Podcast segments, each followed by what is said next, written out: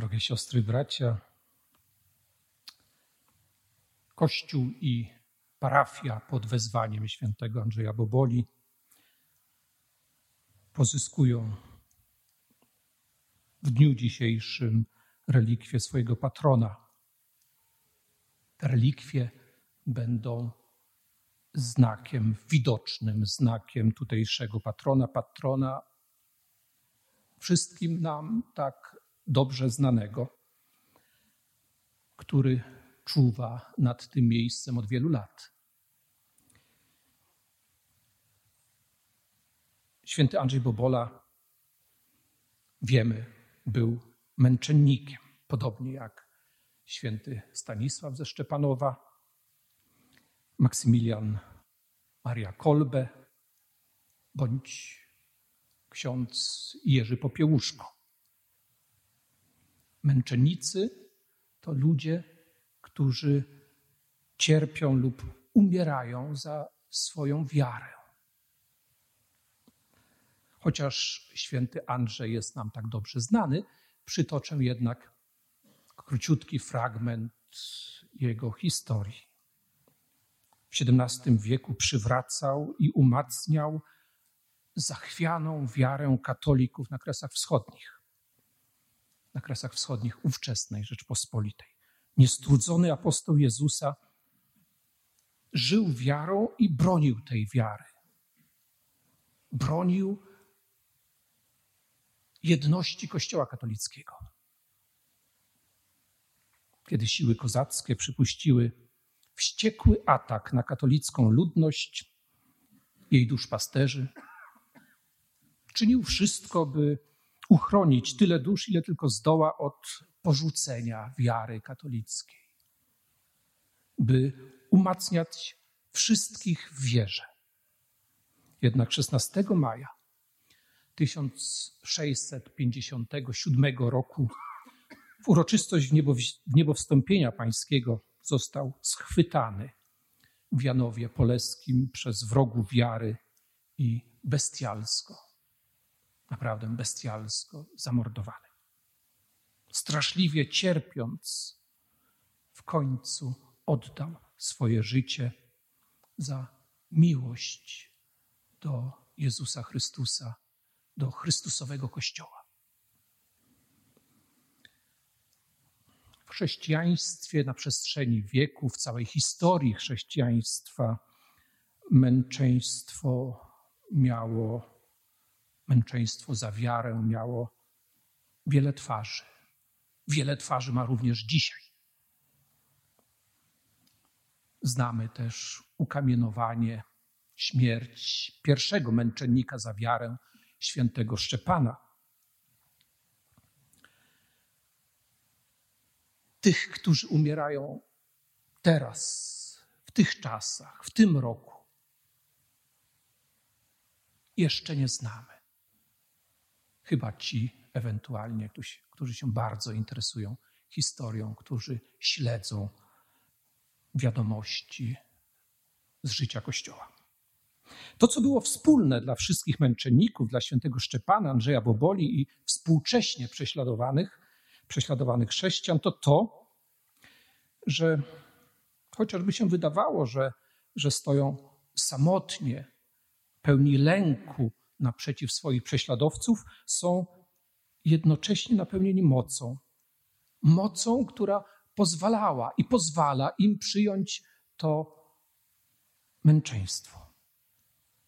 Kiedy pytamy ludzi, którzy doświadczyli prześladowań, skąd, skąd miałeś tę moc, wtedy niektórzy odpowiadają: Czułem ją w sobie, modliłem się do Chrystusa i doświadczyłem, że są we mnie siły, których Nigdy bym się nie spodziewał.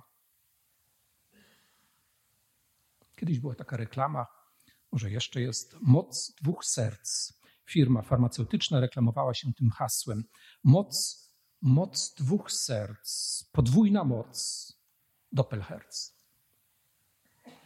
Każdy, kto przeżywa prześladowanie, zapewne czuje w sobie nie tylko swoją moc, ale też i moc Chrystusa, bo bez tej mocy nie byłoby tak wielkiej ofiary.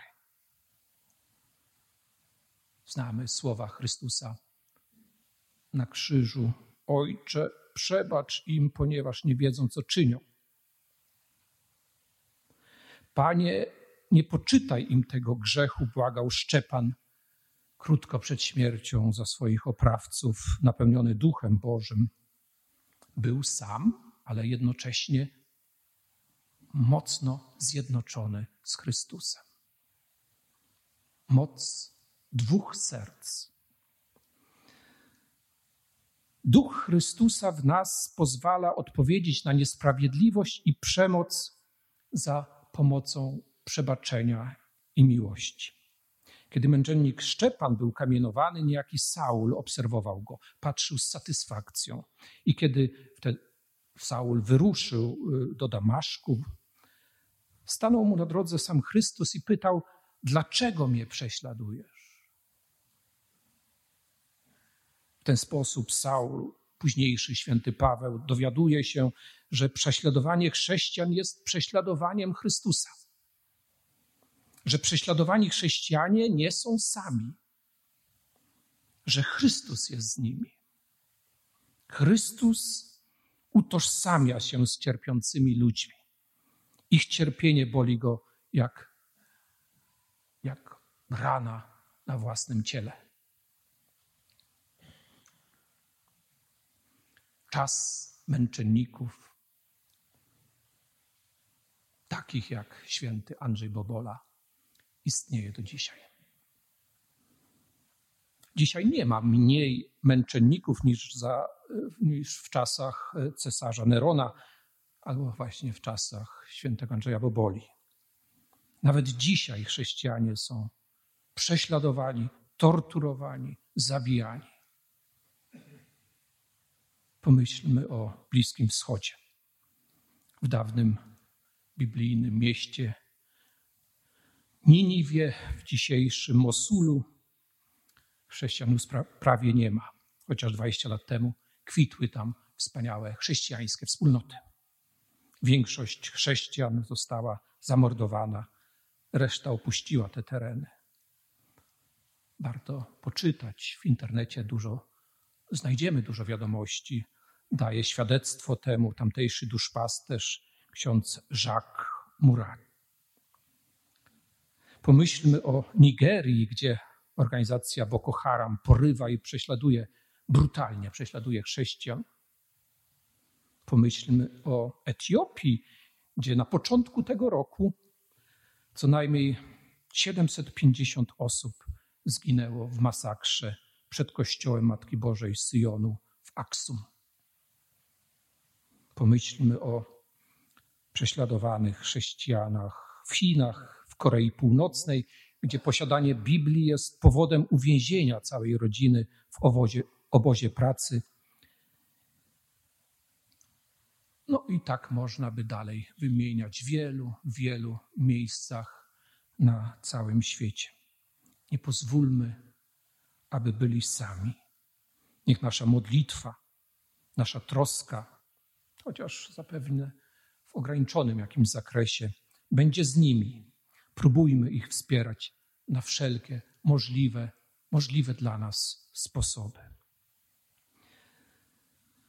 Greckie słowo męczennik oznacza świadek. Od Chrztu Świętego jesteśmy wszyscy, bez wyjątku, świadkami Jezusa Chrystusa, świadkami Jego Ewangelii. I każdego dnia jesteśmy wzywani do dawania świadectwa. Modląc się w rodzinie, przekazując Ewangelię naszym dzieciom, rozmawiając z koleżankami i kolegami w pracy o naszej wierze, kiedy czynimy znak krzyża, mijając przydrożny krzyż, kaplicę lub kościół, kiedy odmawiamy modlitwę przy stole, nawet w miejscu publicznym, kiedy bronimy Kościoła, gdy jest niesłusznie atakowany, wyśmiewany, wtedy dajemy świadectwo Jezusowi Chrystusowi. Dajemy świadectwo Jezusowi Chrystusowi, uczestnicząc we mszy świętej, tak jak teraz, przystępując do Komunii Świętej, do sakramentu pojednania, pielęgnując codzienne czytanie Słowa Bożego, codzienną modlitwę. W dzisiejszych czasach, dając świadectwo przynależności do Chrystusa, wierności Ewangelii, w dzisiejszych czasach nie jest to już wcale łatwe. Pewnie z roku na rok będzie trudniejsze. Ale właśnie męczeństwo zaczyna się od takiego małego świadectwa miłości do Chrystusa każdego dnia. To świadectwo ufamy wszyscy, że nie zakończy się tak jak w życiu świętego Andrzeja Boboli albo innych znanych nam męczenników. Jednakże to świadectwo jest w dzisiejszych czasach nieodzowne. To świadectwo naszej miłości do Chrystusa.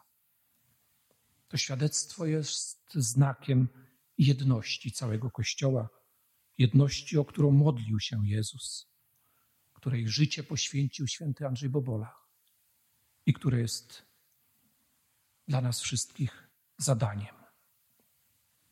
Jest to tak bardzo w tych czasach, tak bardzo wszystkim nam potrzebne.